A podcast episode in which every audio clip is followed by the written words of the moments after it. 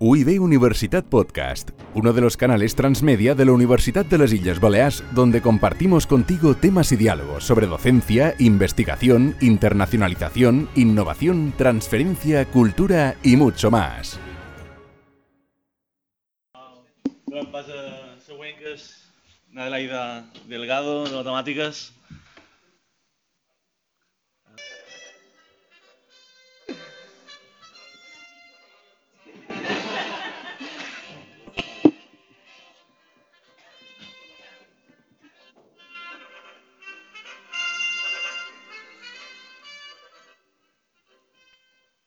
Bueno, nos vamos de aventura ha sido el lema de las prácticas de la asignatura de sistemas operativos de grado de Ingeniería Informática. Se trataba aquí un poco de la idea de aplicar gamificación en cuanto a, técnicas, eh, dinámicas y componentes lúdicos para que de esa manera eh, captar la atención de los alumnos, conseguir motivarlos y fidelizarlos.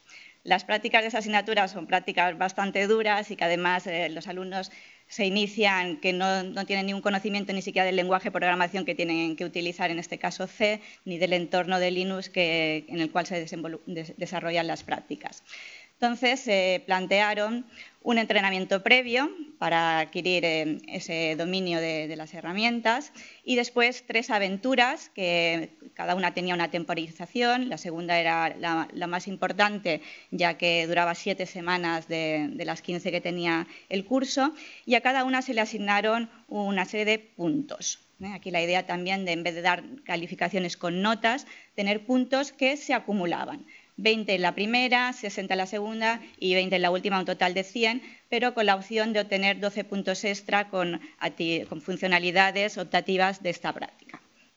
Bien, a los alumnos en clase, en laboratorio, se les recibía con una banda sonora de cine de aventuras, me llevaba mi altavoz con Bluetooth y los alumnos pues ya venían un tanto eh, motivados, puesto que las clases eran a las ocho y media de la mañana con un grupo y a las tres y media con otro. Y era una manera un poco de, activarlos. Bien, eh, la asignatura, eh, el aula virtual está organizado, como veis, así en pestañas. Tengo un aula virtual solo para las prácticas. Y en organización y comunicación, aquí pues les decía a los alumnos que tenían que ser miembros de un squad. Aquí no hablamos de grupos, sino que somos squads. Se utilizó una herramienta propia de Moodle, que es un, una autoselección de grupo, de tal manera que los alumnos con esta herramienta de Moodle podían eh, dar el nombre a su grupo, la descripción y además elegir los miembros con los que se configuraba ese squad y eso ya quedaba automáticamente configurado en Moodle, no tenía que hacerlo yo a mano. Eh, además, tenían un, foro para ponerse de acuerdo, buscar de grupo los que no tenían tanta facilidad para encontrarlo. Bien, después eh, la idea de tutorías eh, se sustituyó por el oráculo. El oráculo os atiende. Entonces también se utiliza una herramienta propia de Moodle, que es el programador, de tal manera que a través de este enlace podían solicitar automáticamente cita con el oráculo. Eh, esa es la visión del profesor. El profesor establece los huecos que tiene disponibles y los alumnos se apuntan o bien individualmente o formando parte del squad en los huecos que tiene. Y de esta manera, pues también no tienes que estar dándoles cita de, forma eh, por teléfono o, a través de correos electrónicos. Hay estos huecos y tengo esta disponibilidad. Punto. Eh, además, pues también se creó un foro para la comunicación y un chat en línea con el oráculo. Bien, también se les incitó a que aportaran valor a la asignatura y dieran reconocimiento para darle ese matiz de redes sociales que los que estamos familiarizados y los alumnos más que nadie. Entonces, eh, con esta idea se creó un foro social colaborativo que eh, tiene la siguiente particularidad. Aquí la idea es que los alumnos aportaran, como he dicho, valor, pues podría ser proporcionando nuevas soluciones, proporcionando eh, recursos que habían encontrado por la red, etc.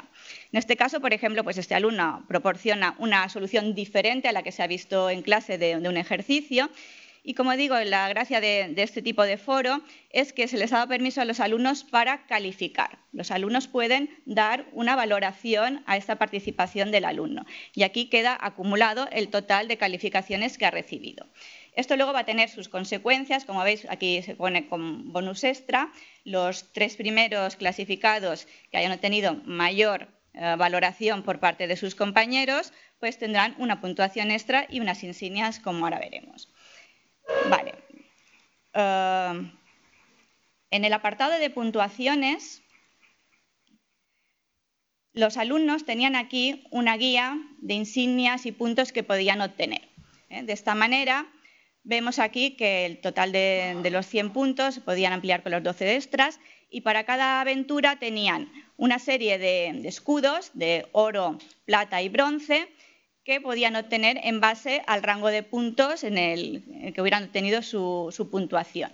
Para cada aventura, además, pues tenían los criterios en base a los cuales se les otorgaba puntos positivos o también puntos negativos, como no seguir las instrucciones de entrega que se les daba, etcétera.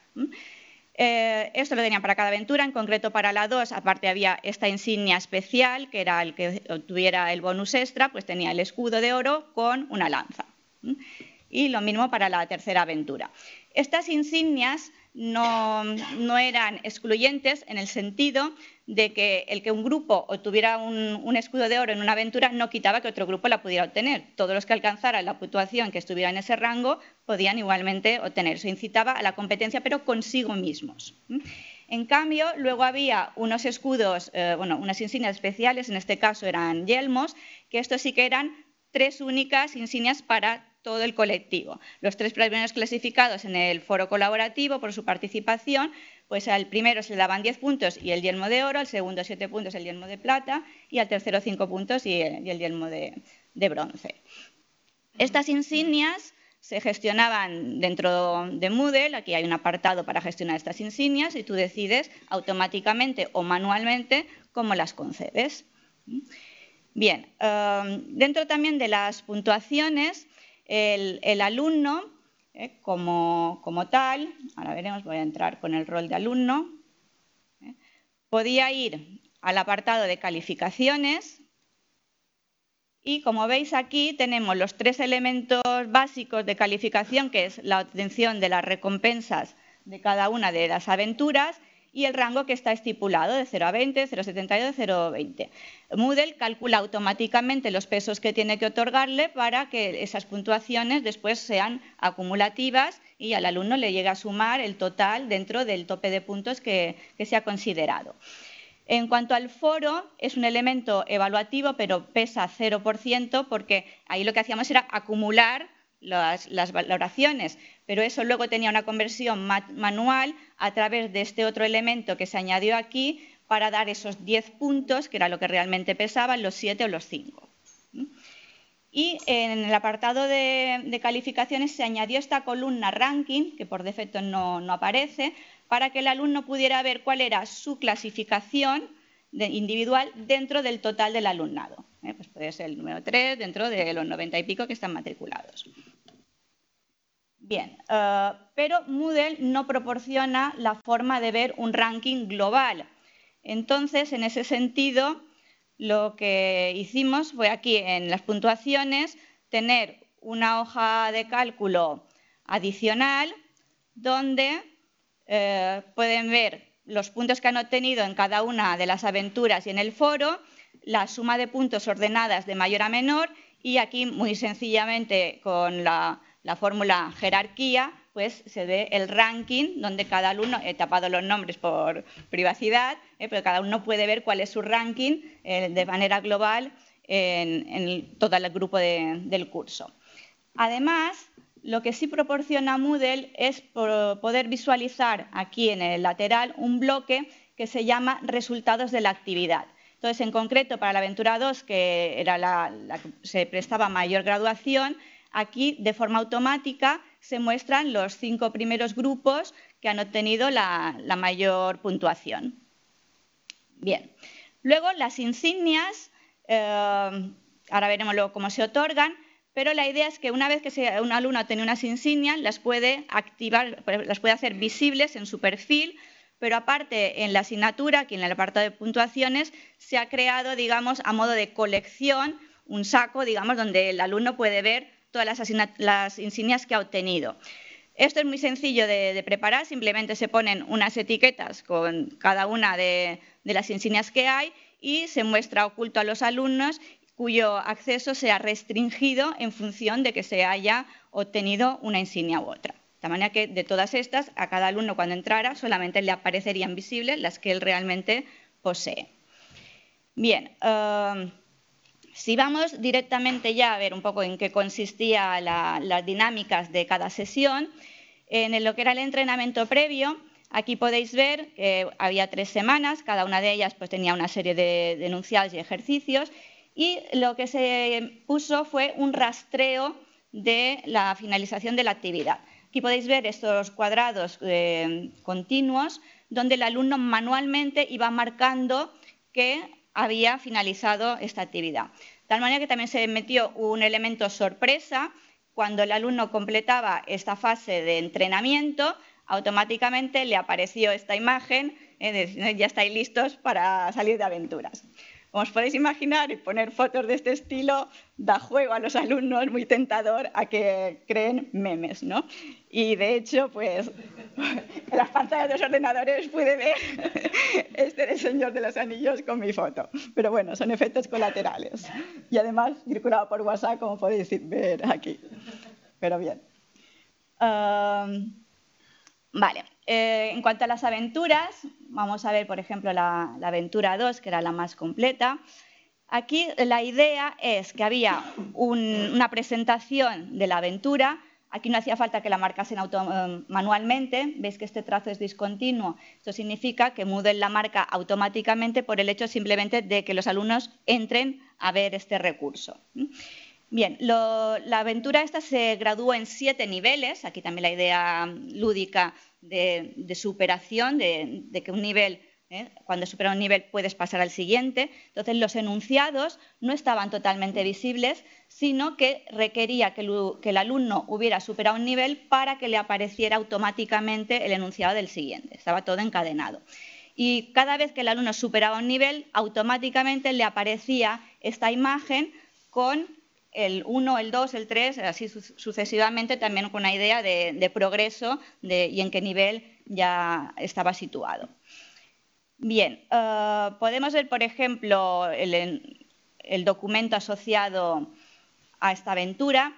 Todas las aventuras estaban eh, estructuradas con estos apartados cuáles son los retos de este nivel. Es muy importante aquí la idea de desafío, de reto, hemos de conseguir tal cosa. Y esto en cada una de las sesiones, no de forma global en la aventura, sino en sesión por sesión. ¿Qué aprendemos con, estos retos? No solamente ver que este reto forma parte de un todo, sino que el reto en sí mismo nos va a hacer aprender una serie de conceptos teóricos y una serie de conocimientos también prácticos. ¿Qué hay que hacer en detalle en este nivel? Aquí ya pues serán los detalles de implementación, Luego, ¿qué recursos metemos en nuestras mochilas? Seguimos con la idea de aventura, nos cargamos una mochila y ahí metemos los documentos. Y cómo podemos autocomprobar que hemos superado este nivel, la idea de superación y de autocomprobación para obtener feedback de forma inmediata.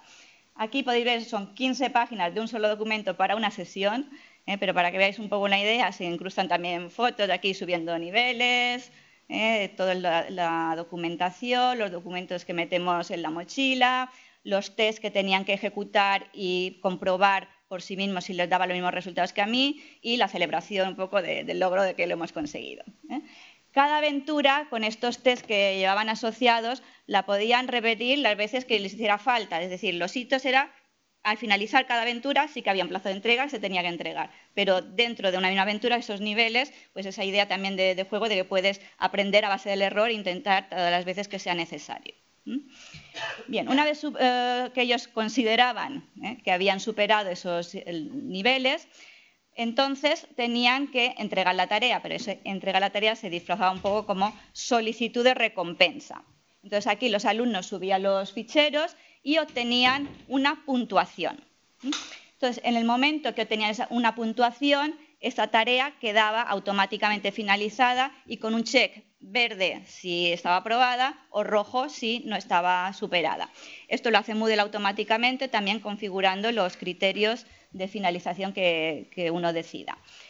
Bien, entonces, como no bastaba que estuviera aprobada o suspendida para obtener las, insignias, sino que cada insignia de oro, eh, plata o bronce tenía que entrar esa puntuación en un rango, lo que se hizo fue crear, eh, en este caso, cuatro páginas para cada una de las insignias y con acceso restringido en función de la calificación que se hubiera obtenido al solicitar la recompensa. Entonces, para cada alumno, si entraba en el rango correspondiente, solamente se hacía visible una de estas páginas. Y cuando el alumno entraba a verla, entonces se consideraba finalizada, eh, en este caso, por ejemplo, la obtención del escudo de plata y a través de la gestión de las insignias que tiene Moodle se otorgaba automáticamente y el alumno la podía ver en su perfil y en la bolsa esta que hemos dicho de colección de, las insignias alumno por alumno. Bien, otra idea también que, quise implementar es la de que llevaran idea del progreso eh, del estatus de, finalización del curso. Bien, en este sentido se incluyó aquí un bloque que, lleva Moodle. Voy a entrar como alumno también para que lo podáis ver. Cambio de rol, enseñante. Bien, si entramos como alumno, le dice qué actividades tiene finalizadas, no del total de las actividades que, tiene marcado el rastro de finalización, sino de las que yo he configurado de que son necesarias e imprescindibles para considerarse que el curso está finalizado. Porque algunas pueden ser optativas, otras pueden ser simplemente que, tengan que hacer una lectura, pero que no sea realmente requerimiento. Entonces el alumno así puede ver cuántas actividades lleva del total y puede solicitar más detalles y aquí le saldrían todas las actividades que tiene que completar durante el curso y si el requisito es que la tiene que marcar manualmente o que tiene que visualizar la, URL, recibir una calificación, etcétera. Y aparte la fecha en que lo consiguió y si está completada o no. Bien.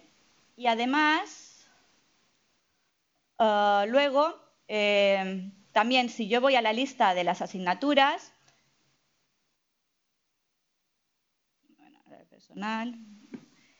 Cuando aparece al alumno o al profesor la lista de asignaturas, en esta en particular, que se ha hecho el rastro de finalización, pues les aparece este icono para que también tengan una idea del porcentaje que llevan de, avance del curso. ¿eh? Mientras que en el resto que no, está hecho este rastreo, no les aparece. Entonces, bueno, esto ha sido un poquito la experiencia y eh, la idea de, de marcar toda esta serie de, aspectos de gamificación dentro de la, asignatura. Si queréis hacer preguntas.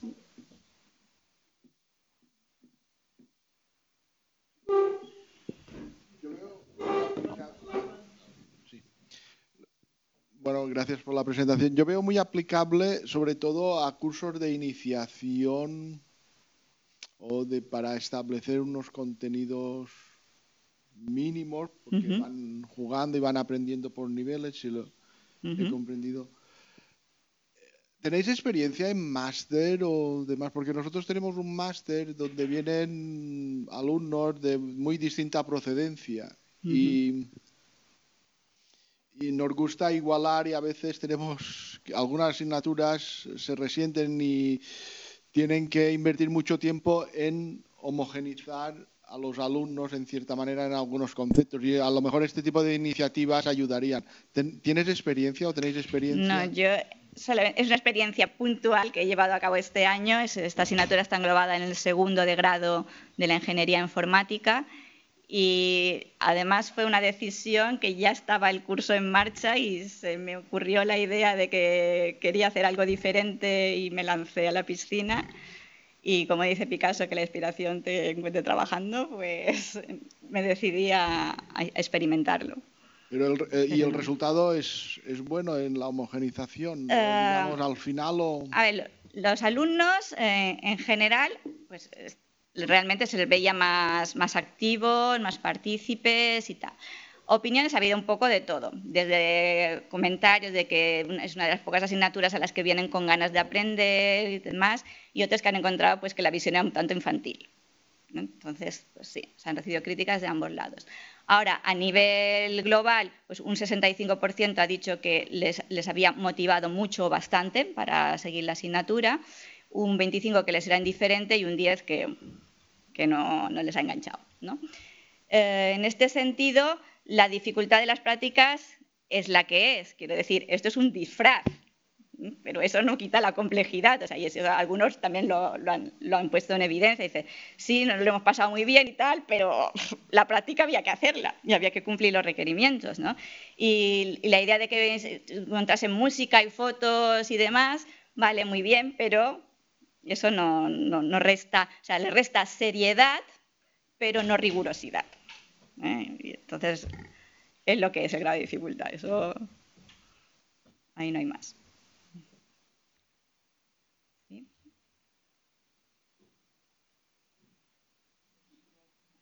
Vale, pues muchas gracias.